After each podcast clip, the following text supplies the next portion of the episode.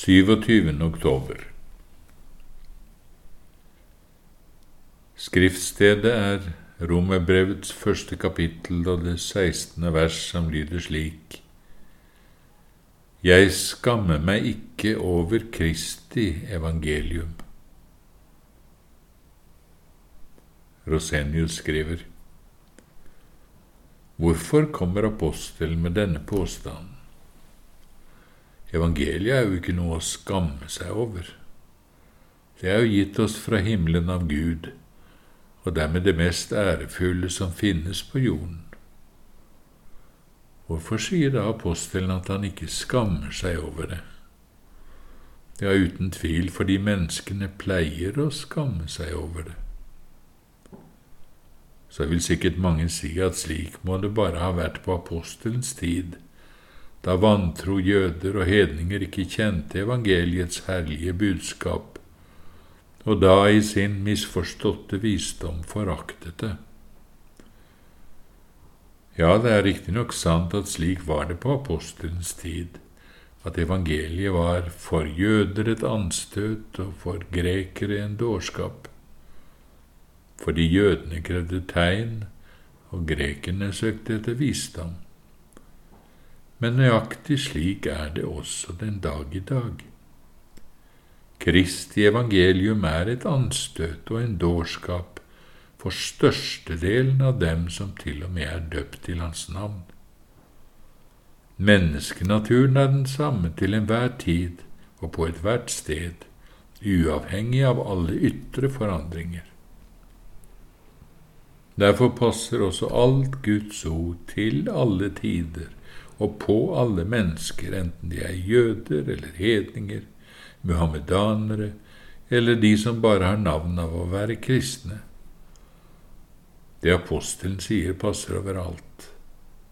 Det naturlige mennesket tar ikke imot det som hører Guds ånd til, for det er som dårskap for ham. Han kan ikke fatte det.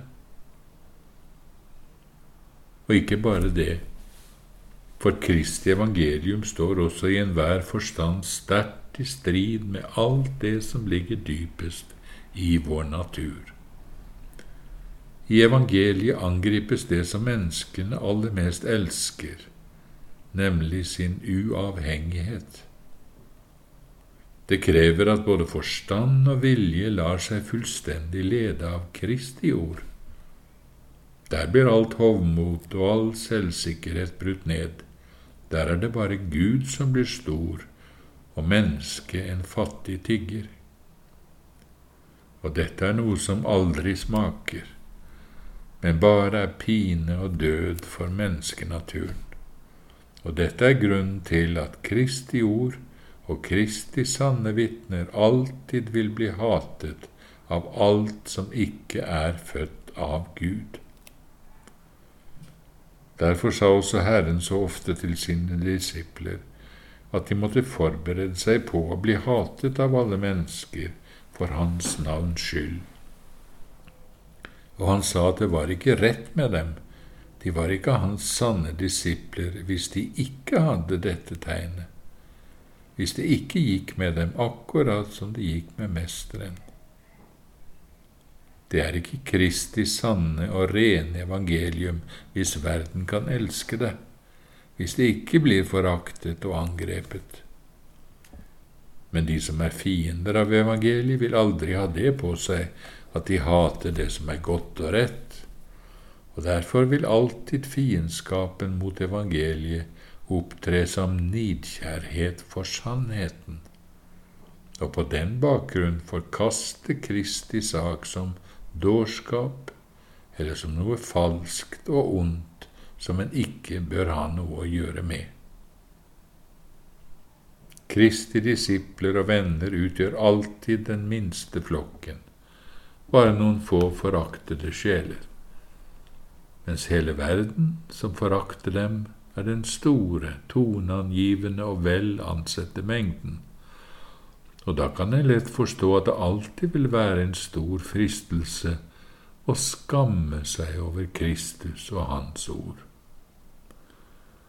Og for mange mennesker kristne blir dette en veldig hard kamp.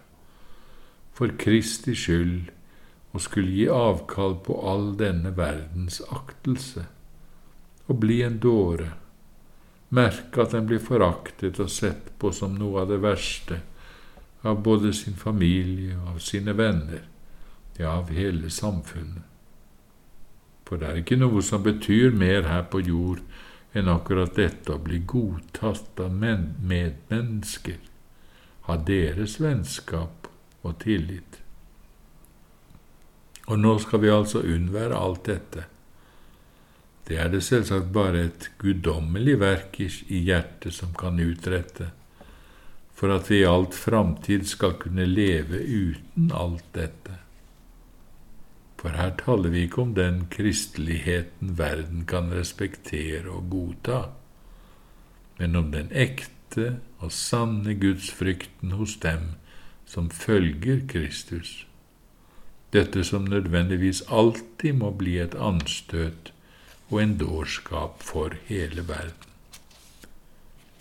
Kristus har også sagt, En tjener er ikke større enn sin herre. Har de forfulgt meg, skal de også forfølge dere. Som om han vil si, vil de som skal bli oppfattet, vil de det skal bli oppfattet som om de hater dere, fordi dere mangler den rette ydmykhet, saktmodighet osv. Da husk at jeg var saktmodig og ydmyk av hjerte, og likevel, de hatet meg.